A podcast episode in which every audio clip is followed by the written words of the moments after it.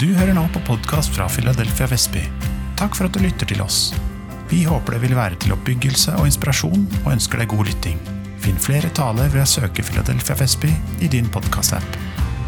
Den høsten så har vi snakket om forskjellige ting, men eh, stort sett så snakket vi om egentlig samme tema hele tiden. Jeg kan si at sånn at eh, vi snakket litt om menighetens, det som også ligger i, i menighetens visjon, at vi skal elske Gud, at vi skal elske hverandre, og så at vi skal gå ut for å hjelpe andre mennesker til å være Jesu etterfølgere, eller til å gjøre andre mennesker til disipler. Å elske Gud liksom, det handler mye om å bygge relasjoner. Å bygge relasjoner oppover, å bygge relasjoner innover, og så bygge relasjoner utover. Så å bygge relasjoner oppover det først og fremst handler om å få fred med Gud. Og Vi snakket om at vi er rettferdige pga. det som Jesus gjorde for oss på korset. Vi har, eh, vi har tillit. Vi har fred med Gud. Vi snakket om, om relasjoner innover. at vi ikke bare, det, det er veldig fint at vi har fred med oss sjøl. Det snakket kanskje ikke vi, veldig mye om det, men vi snakket om at vi er en del av fellesskap. Vi er Guds folk. Og vi er ikke, øh, Gud kalte oss ikke til å stå alene, men at vi også skal hjelpe hverandre og støtte hverandre. Og vi er sammen som Guds folk er ment til å oppmuntre hverandre, bygge opp hverandre og styrke hverandre.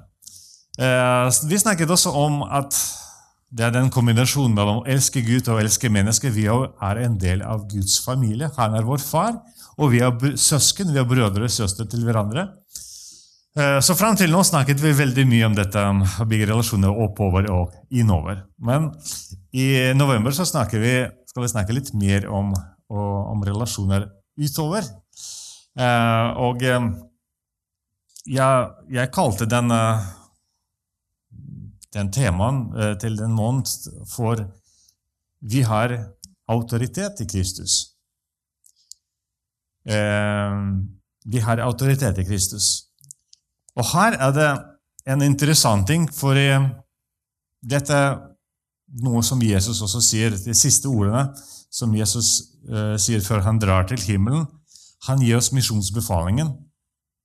Og i misjonsbefalingen, kapittel 28, Matteus 28, vers 18-20, så står det skrevet noe veldig interessant. Jesus sier, 'Jeg har fått all makt i himmelen og på jorden.' Gå derfor og gjør alle folkeslag til disipler. Jeg skal stoppe akkurat der, for jeg syns dette er litt interessant eh, logikken i det Jesus sier. Han sier 'Jeg har fått avmakt, makt', og derfor befaler jeg. Og i det Jesus befaler, han også gir en del, eller han delegerer makten, han delegerer autoritet til de han sender. Han sier 'gå derfor' og gjør alle folkeslag til, til, disiplene. Døp dem til Faderens og Sønnens og Den hellige ånds navn, og lær dem å holde alt det jeg har befalt dere, og se, jeg er med dere alle dager inntil verdens ende. Jesus, Med disse ordene Jesus ønsker at vi skal fortsette hans arbeid, at vi skal fortsette gjøre det han gjør, det han gjorde alle de årene han var på jorden, at vi skal være hans etterfølgere og ja, også gjør akkurat det som han sier. Eh, eh, Akkurat det han gjorde, og eh, hvordan han var på. Eh, Jeg egentlig hadde et tema til den preken, og den heter 'Rett til å bli Guds barn'. Det er en, del av et bibelvers som er Johannes evangeliet, som jeg også har lyst til å lese. Fordi jeg syns dette er veldig liten eh, bibelvers, men kanskje litt lettere å huske de tingene som jeg hadde lyst til å nevne i dag. Johannes evangeliet 1,12 så står, det skrevet Men alle som tok imot ham, og det er vi kristne, dem ga han rett til å bli Guds barn, de som tror på hans navn. Rett til å bli Guds barn. Hvis du tenker på disse noen få ord, så, så det første ordet som jeg hadde lyst til å snakke litt om, det er ordet rett. Eh, exosia Jeg vet ikke om jeg sier det riktige ordet. Ja, det, det var lenge siden jeg lærte gresk, men jeg tror det var riktig. Greske ordet exosia det betyr rett eller rettighet, makt, evne, kraft, regjeringsområde. Hvis du tenker på dette makt Dere har fått makt til å bli Guds barn. Dere har fått evne, eller rettighet, til å bli Guds barn. Smaker litt på dette. Vi er ikke bare biologiske, eller si, vi ikke bare blir kalt til Guds barn, men altså vi har fått en, en rettighet. Vi har fått makt, vi har fått kraft eller myndighet. Ikke bare mulighet, men myndighet til å være Guds barn. Og neste ordet, som jeg syns også er litt interessant Vi snakket litt om dette, det er å være Guds barn. Vi har fått, vi har fått uh, myndighet til å være Guds barn. Hvis du, hvis du nå prøver å senke ned, den, tone ned uh, vår teologiske kunnskap, og så tenke helt vanlig på dette, på dette begrepet Guds barn. Eh, her er det en kombinasjon mellom naturlige, for i barn er det ord som, som vi kjenner fra den hverdagen, og Gud. Det er noe som flere folk vil tro at dette er noe overnaturlig. Det er noe som hører ikke til den eh, fysiske verden. Og det er også noe spesielt det har jeg lyst til å nevne her, for eh, Gud kalte oss eller Gud ga oss myndighet. Og den myndigheten som vi har fått, det er noe større enn bare autoritet når det gjelder sånn politiske programmer, eller, eller, evne til å administrere menighetsarbeid, eller noen, noen ja, rettigheter i samfunnet. Gud snakker om noe andre type myndighet, som kanskje flere i samfunnet vil tro nei, dette er noe som ikke hører til her i dette samfunnet. Som for eksempel, jeg kan lese fra Efesia-brev, kapittel 6, så 6.10, eh, som står det skrevet. Til slutt, mine søsken, bli sterke i Herren og Hans veldige kraft. Ta på dere Guds fulle rustning, så dere kan være i stand til å stå imot djevelens listige grep. Så her viser Paulus til oss at, Paulus til oss at uh, vi har myndighet over noen Eller oss myndighet over styrker og krefter som er av, av åndelig art, som er ikke noe som vi også kan møte her i den fysiske verden. Og En annen ting som Paulus sier, han sier at dette egentlig, den, den tema, eller den myndighet, er, det er så stort så at vi egentlig trenger virkelig sette oss i for å forstå hva vi egentlig har fått i Kristus når vi ble til hans barn, når vi ble troende. Fordi det er så enorme ting som skjedde. Vi tror bare at ja, jeg sa ja til Jesus, og nå tror jeg på, den, på, tror jeg på at Jesus lever, og kanskje en dag skal jeg være i Guds familie. Men her ligger mye mer enn det som Gud ga oss i det øyeblikket jeg sa ja til Jesus. Og han, Paulus han også begynner denne fese brev med veldig spennende ord her. Eh, vers 17, 17. Jeg ber om at vår Herre Jesus Kristi Gud, Herlighetens Far, må gi dere visdoms- og åpenbaringsånd i erkjennelse av Ham, og at deres forstand, øyne, blir opplyst, slik at dere kan forstå hvilken håp dere fikk ved Hans skall, og hvor rik, er, hvor rik på Hans herlighet er, er blant de hele og forstå hvor overveldende stor hans kraft er for oss som tror, etter virkningen av hans mektige kraft. Vi har fått en uh, Guds kraft, vi har fått en ånden som, som er i oss, som arbeider, og dette er en så stor ting som Gud egentlig kan gjøre i oss og gjennom oss når vi tror. Um, vi har fått Det er bare sånn uh, Vi har fått sånn stor tillit hos Jesus. Jesus ga oss befaling at vi skal gå ut og så skal gjøre alle folkeslag til disiplin. Og så sier Jesus sjøl Han sier, Johannes evangeliet 14, 12-14, så står det skrevet Sannelig, sannelig, jeg sier dere, den som tror på meg, skal også gjøre de gjerningene jeg gjør. Ja, enda større gjerninger, for jeg går til far. Og det dere ber om i mitt navn, vil jeg gjøre, så Faderen skal bli æret gjennom Sønnen. Dersom dere ber meg om noe i mitt navn, vil jeg gjøre det. Jeg syns dette, eh, dette, er egentlig veldig stort, det som, sier, det som, Jesus sier. Vi leser i Nytestamentet hvordan Jesus er, hvordan han gikk fra sted til sted og forkynte evangeliet. Så plutselig kommer et behov for et mann som trenger helbredelse, eller en kvinne som som, som trenger helbredelse, eller en person som, uh, som, setter Jesus på prøve. og så Jesus må svare på en uh, Den nesten trenger Guds hjelp for å gi et godt svar. Og så kommer dette svaret, så kommer kraften til å helbrede, så kommer kraften for å jage bort uh, disse demonene. Og så man kan bli fascinert, og man, og man, man forstår at dette er Guds sønn. Selvfølgelig han kan gjøre det. Men så sier Jesus, 'Jeg skal gå nå, og dere skal gjøre samme gjerninger, til og med enda større.' For jeg har allmakt i himmelen, og jeg gir dere den makten til å forkynne evangeliet og bekrefte evangeliet med alle disse tegn og under og mirakler. Tenk på det. Jeg, jeg må si at eh, dette er ikke bare en fin teori. Jeg kunne fortelle dere om et møte her i Follo som jeg har vært på, og som plutselig, midt i gudstjeneste eller det var, sånn, nei, det var, etter, det var etter møtet, faktisk, så plutselig ei dame som kommer fram. Også det, er, det virker sånn at hun er besatt, rett og slett. Og vi begynner å be for henne. Og så når vi ber, du ser at det er noen som kontrollerer henne, men så sier det i Jesu navn, og så plutselig opplever du hvordan den tingen eller den ånden som er inne, hvordan den respekterer dette navnet. Jesu navn. Dette er ikke noen eh, eventyr. Det, det har jeg opplevd. Jeg skal ikke si hvilket sted det var, men det var her i Follo.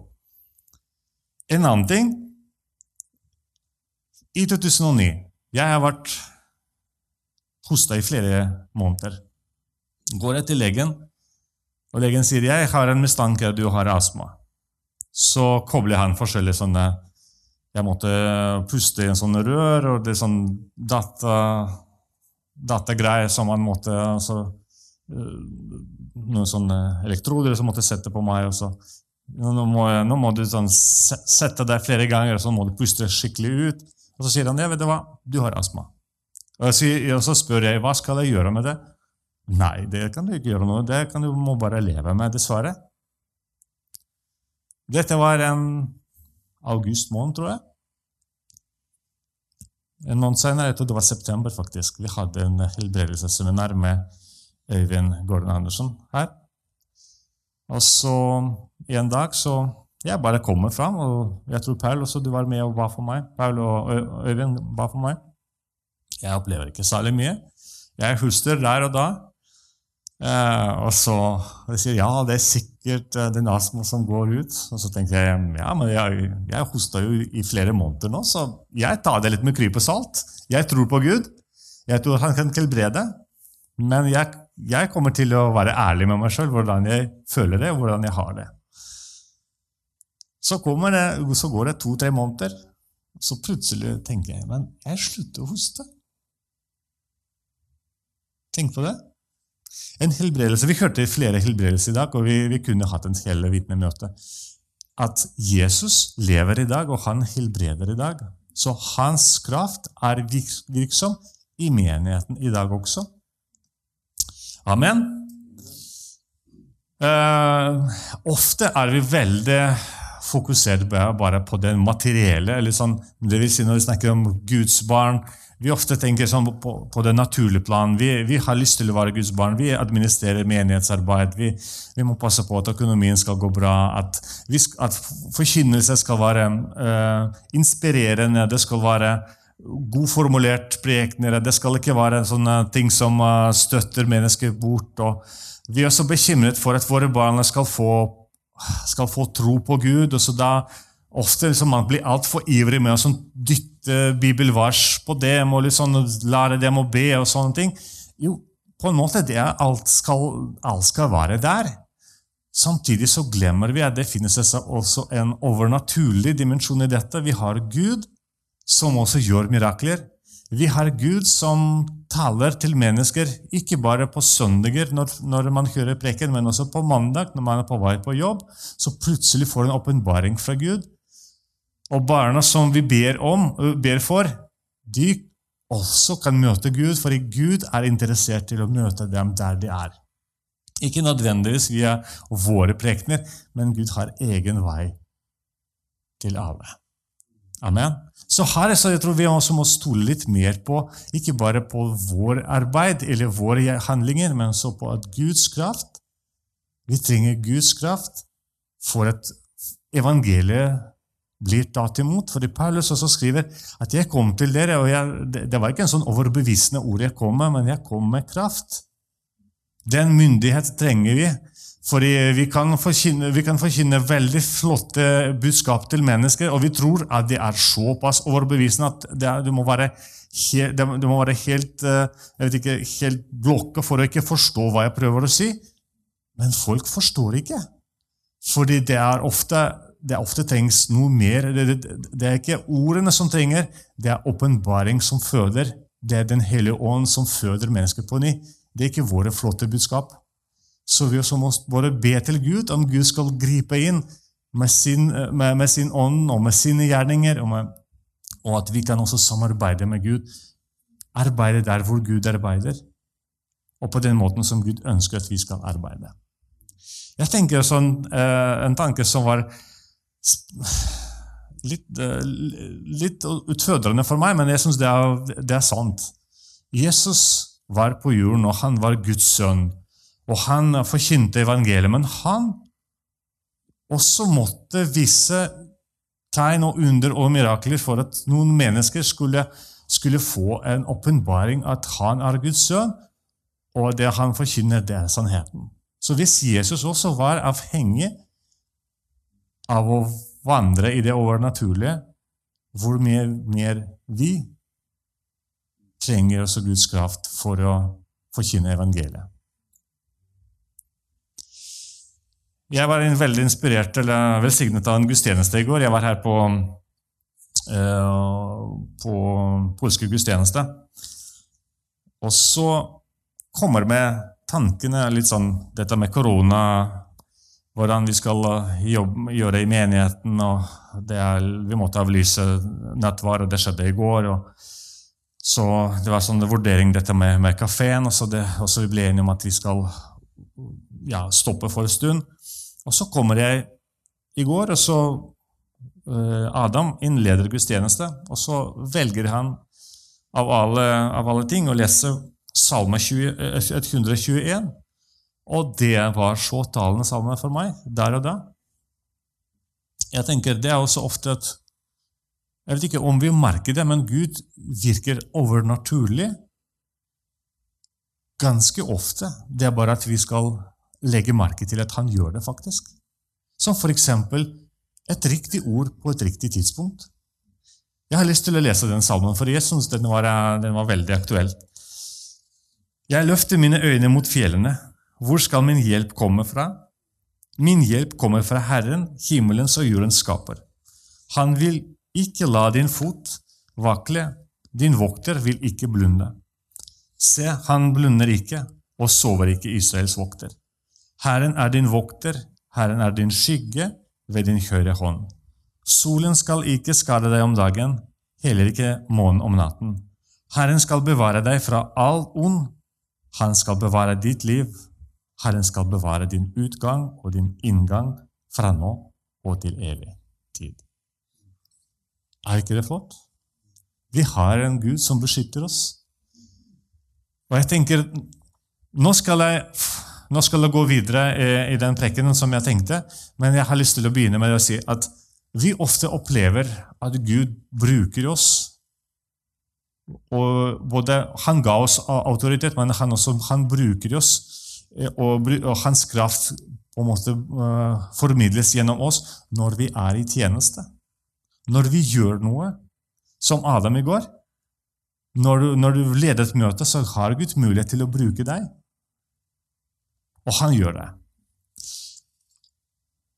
Fordi vi har fått en rett til å bli Guds barn. Jeg tenker selvfølgelig vi har fått en uh, løfte fra Gud, vi har fått en uh, myndighet fra Gud. Men det er også en den ting som vi skal gjøre for at Gud kan arbeide gjennom oss. En fin historie synes jeg, som kan eh, vise oss litt mer hva jeg prøver å si, det er eh, når Israel skal innta Kanaan. Gud leder dem ut av Egypt. og Jeg syns dette er sånn, i seg selv veldig fin historie som forteller hvordan også vi blir fri fra, fra Satan, og vi blir fri fra synden, har fått frihet. Men så Gud gir dem, uh, gir dem landet. Han sier Kanaan er deres land. Du må ta den. Og Gud også gir oss, gir oss både oppgaver, men han også gir oss en autoritet. Altså sier, 'Vær så god, det er ditt'. Men Israel de må ta en skritt i tro, og så gå i det som Gud har for dem allerede. De klarte ikke fra første forsøk, så da ble det sånn en 40-årsrunde i, i ørkenen. Men så til slutt så tar de en skritt i troen, og så disse prestene går inn i vannet i Jordan, og så plutselig stopper vannet. Og så blir det en, sånn en helt, som brytes en vei for dem, så de går ja, på, på, en tørr bunn inn i Kanaan. Så kommer de dit. Og der begynner ting å skje. Fordi Gud sa nå skal dere innta landet. Og Det minner litt meg på det som Jesus også sa, at vi skal også bringe evangeliet. Vi skal spre Guds rike. Vi skal formidle Guds rike til alle mennesker. Gå til venstre og til høyre, frem og, og så skal forkynne evangeliet. Og så Det samme også beskjed fikk israelittene. Her er deres landet. Vær så god å ta. Men tre ting, gjort, eller tre ting skjer med Israel før de begynner å innta landet. Og Det syns jeg er litt, litt, interessant og litt, sånn, litt rart kanskje i første omgang. Men så fort de kommer over Jordan, så befaler Gud til Josua at nå skal dere omskjære dere. Det er første ting som de gjør. De skal omskjære dere. Jeg har vært i Israel. og Det er et stykke fra Jordan til, til Jeriko, men allikevel det er ikke så veldig langt.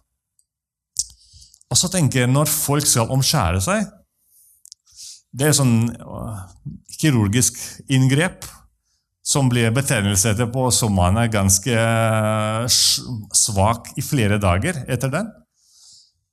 Også når hele nasjonen, alle, alle, alle menn, fordi det er ingen som blir omskjært i, i, 40 år, og nå første gang i 40 år så skal de gjøre det. Å gjøre det mens fienden er så nær, og de kan angripe deg når som helst, du trenger virkelig tillit til Gud å gjøre det. Og Dette er også en, um, en spesiell tegn, fordi dette omskjærelse det var et, um, et, tegn på at Israel er i pakt med Gud. Nå at de hører til Gud.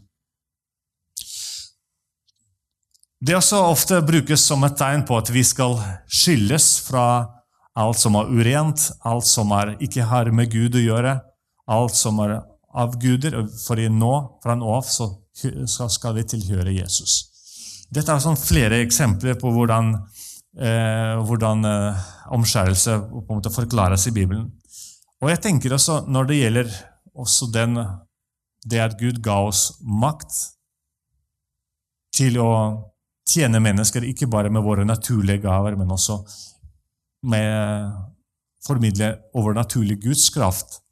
Det første ting som er veldig viktig, at du og jeg vi skal innvie oss til Herren innvie oss til den oppgaven som han har for oss. Han gir oss han gir sine løfter, men han vil at du og jeg vi skal innvie oss til ham. Når vi gjør dette, det er en første skritt på hvordan du og jeg vi kan oppleve at Gud kan begynne å bruke oss. Den andre ting eh, som skjer med israelittene, de feirer påske. De feirer påskemåltid. Vi minnes det, Jesus, det, det Gud gjorde for dem i Egypt, hvordan han ledet dem ut av Egypt. Vi takker at de har kommet så langt. En annen ting som jeg, det, er, det er også ting som jeg har lyst til å si i dag. Vi har fått den ånden som, uh, som kan også gjennom oss gjøre mirakler. Men det er ikke vår styrke. Det er ikke fordi vi er så gode. Dette har vi fått fordi Jesus døde på korset. Dette er hans frelse som han har lyst til å formidle gjennom oss til andre mennesker. Så Gud er også veldig, avhengig, sånn, veldig opptatt av at vi skal ha vårt fokus på Jesus, fordi vår styrke kommer derifra. Fra dette gamle korset. Det er der vår styrke kommer fra. Det er der helbredelse kommer fra. Det er der vår gjenopprettelse kommer fra. Vi kan ikke formidle noe sjøl. Som Paul pleier å si, jeg kan ikke helbrede en flue en gang. Nei, det stemmer. Det kan vi ikke. Den, kreft, den kraft som vi har fått, eller den, den autoriteten som fins, den kommer fra korset. Fordi Jesus døde for oss. Og han sier altså at når dere ber i mitt navn, så skal jeg gjøre det for dere. Det er han som kommer til å gjøre alle disse gjerningene gjennom oss. Og så tredje ting som skjedde. En kveld kommer Jusva ut av leiren, og så møter han en fører, eh, føreren til Herrens hær. Det er sånn en soldat. Og så, og så spør Josva er du vår fiende, eller er du med oss. Og så viser det seg at dette er Herrens engel som kom for å kjempe for dem. Og så sier altså Dette er veldig interessant, fordi den Herrens engel den, til, Det neste ting han kommer til å si, at nå skal det gå rundt Jeriko sju ganger. Og, det, ja, og, da, og da begynnes ting. Det som er spesielt, vi altså har fått Den hellige ånd, som kjemper for oss. Som Gud som kjemper for oss. Han er med oss, og Gud ønsker at vi skal vandre sammen med han. At vi skal gå dit han vil, og gjøre ting på hans måte. Jesus gjorde akkurat det samme. Han sa 'Jeg gjør ingenting uten å se at min far gjør ting'. Og Det, det er også en, en, eh, kanskje en eh, beskrivelse til suksess at vi gjør de gjerningene som Gud ber oss å gjøre. Han sier dere kan be, når dere ber etter min fars vilje, så får dere det. Når dere, gjør, når dere går dit jeg sender dere, så får dere det.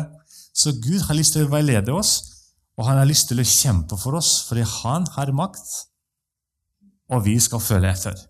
Amen.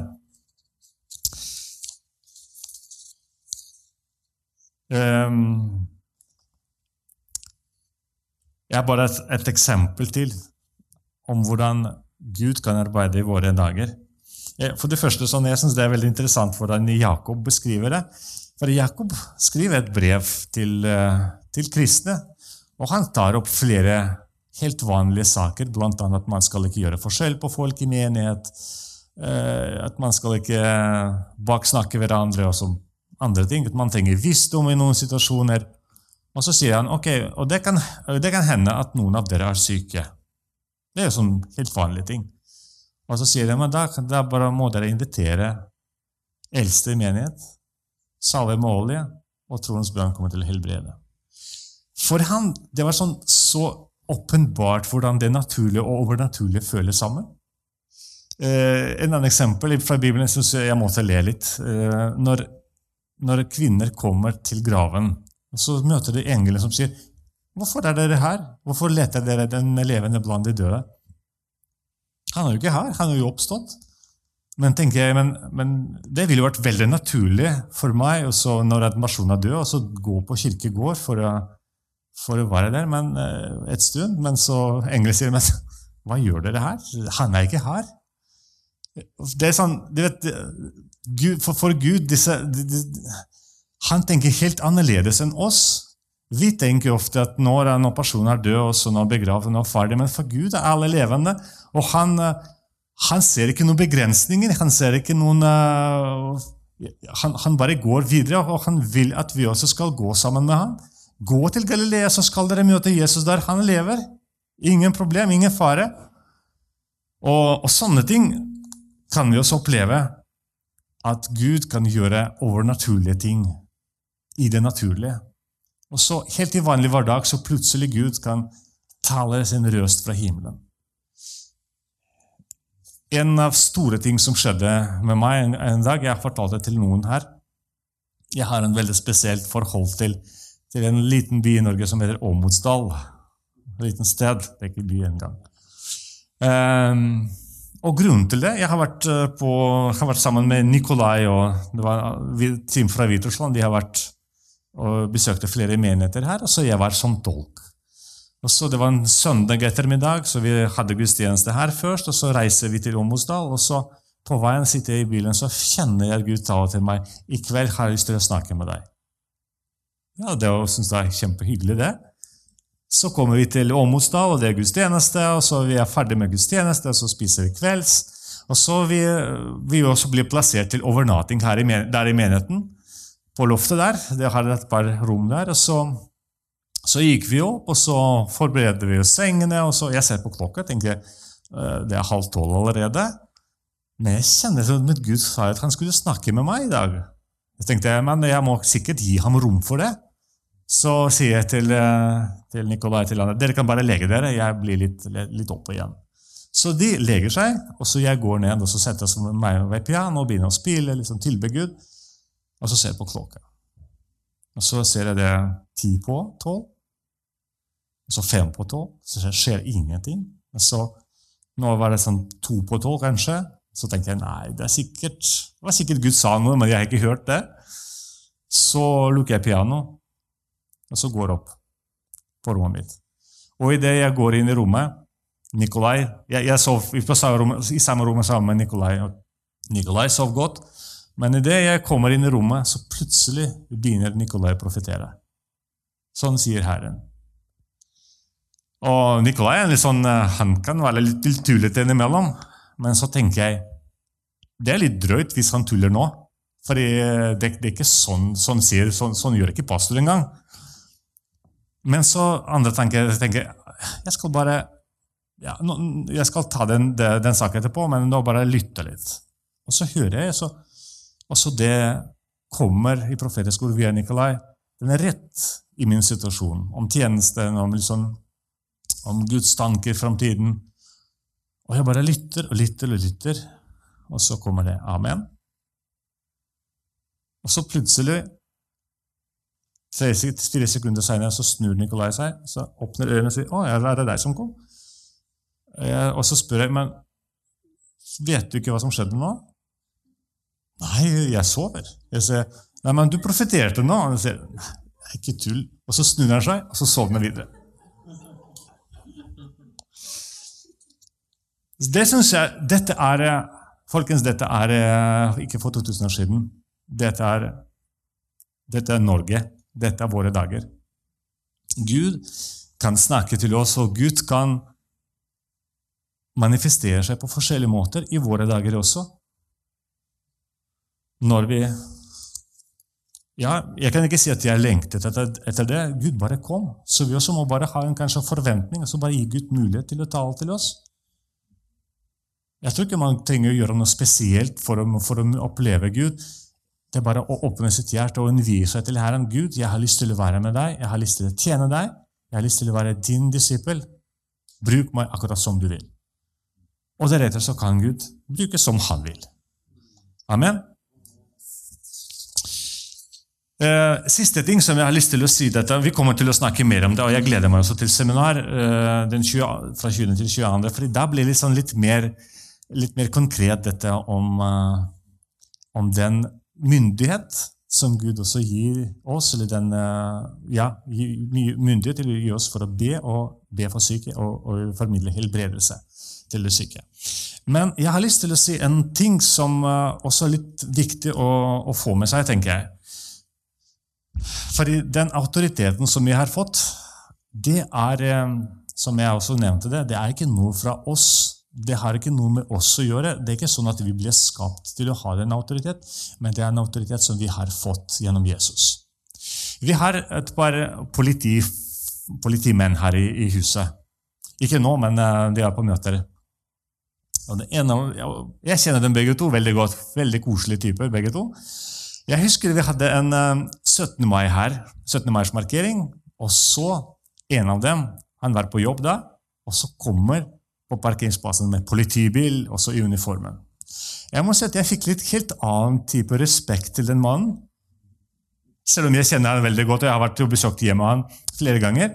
Men akkurat når han kommer med politibil i uniformen også, selv om han kommer for å si hei og så litt sånn eh, stakk innom for å sjekke og si jeg skal bruke det som en mulighet til å vurdere om situasjonen er bra her.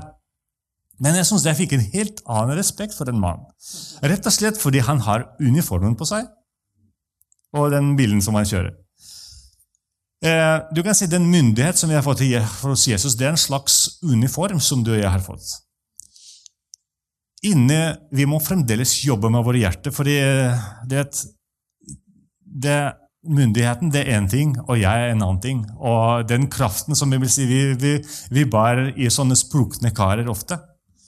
Så vi også må be, og vi også må bli fylt med Den hellige ånd, at Den hellige ånd skal arbeide og forandre vårt hjerte. Men den myndigheten, den kan vi få. Og den myndigheten, det er, det er den som på en måte gjør de gjerningene som Gud vil at de skal gjøres. En historie fra Gammeltestamentet du vet Jeg er veldig glad i historier fra Bibelen. Der får jeg ofte sitere noe. for jeg synes det, det hjelper meg å forstå bedre hva jeg snakker om. En historie fra Gammeltestamentet det var når Elia velger Elisha til tjenesten. Han kommer, og han ser Elisha som, som pløyer jorda, og så han tar opp sin kappe og så kaster på Elisha. Og Elisha forstår at dette betyr at han blir kalt inn i tjeneste. Så han tar imot den kappen, han tar imot den uniformen. Og der gjør han akkurat som israelfolk Israel-folk gjorde. Han, eh, han tar en brutt eh, avgjørelse med sitt for, sin fortid. Han slakter de oksene, han, uh, han brenner den, uh, den plugg, og så han tar koppen på seg, sier farvel til familie, og så følger etter Elia. Han velger å innvie seg til tjeneste. Ikke noen, ikke noen, han, han ser ikke tilbake, han skal ikke tilbake. Fra nå av han skal være profetens tjener. Så kommer en tid, og profeten, han, eh, Elia, skal, eh, skal bli tatt til himmelen. Og så sier Elia, Elisha jeg har lyst til å ha samme ånden som du, men dobbelt. Og Her er det en spesiell ting. for Jeg syns Elia var veldig smart der. Han, sier, eh, han, han, forstår at dette er ikke Elia som gir den ånden. Han sier ja, det, det blir opp til Gud. Okay? Hvis Gud tar meg bort på en sånn måte at du ser hvordan jeg blir tatt bort, da får du det. Men hvis jeg plutselig puff, forsvinner, da kanskje Gud valgte noe annet. Og så går de, og så plutselig kommer sånn ildvågen, og så henter Elia. Og så faller, så faller den koppen fra Elia. Elisha henter den, og han forstår at nå har jeg fått en myndighet. Så tar han den koppen, og så snur den, og så slår på Jordan, og Jordan åpnes. Da går han på en tørr grunn, så han ser at han har en myndighet, og han får en autoritet. Så den autoriteten som Gud gir oss, det er den, du kan si en slags uniform, eller sånn en kopp. som, eh, kappe som du og jeg bærer. Det er ikke noe som vi har fortjent, men Gud gir oss for at vi skal utføre en arbeid. Og vi har en, folkens, vi har en viktig jobb å gjøre, fordi Gud Jesus døde på korset for alle mennesker. Og han vil at alle mennesker skal få oppleve, eller skal få vite, at de har mulighet til å bli frelst. Og det er flere mennesker som trenger til å bli frelst. Og Derfor Gud gir oss ikke bare ansvar til å gå og forkynne evangeliet, men han gir oss alle de nødvendige ressurser så at vår tjeneste skal bli effektiv. Og Det er også når opp til oss at vi tar i bruk det Gud for oss. Amen. Jeg, jeg skal avslutte det, det litt med, med, en utfordrende tanke som kanskje du kan ta med deg videre. Jeg har vært på en uh, seminar hvor vi snakket om uh, maktmisbruk, blant annet. Og den, den som ledet den seminaret, han sa at maktmisbruk det er ikke bare når du bruker makten på en feil måte, men når du har makten, men ikke bruker den. Tenk på det. Det, også, tenkte, det, ble, det talte veldig sterkt til meg, fordi Gud ga oss myndighet. Gud ga oss makt, og den skal brukes. Hvis vi ikke gjør det, er det riktig da? Men, men vi, har en, vi, vi, har håp, og denne måneden så kommer vi til å lære, høre mer om hva egentlig vi har fått i Kristus. De ressurser som Gud ga oss for at vi kan være effektive i vår tjeneste.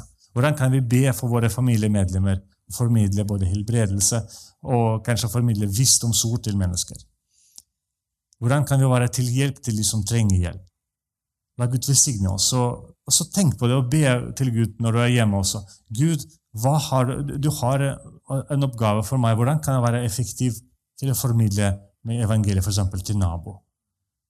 Gud, hvilke ressurser kan jeg bruke? Du har, det, du har alt som trengs for at mennesket skal, skal bli frelst. Hvordan kan jeg bruke det du har for meg? Amen.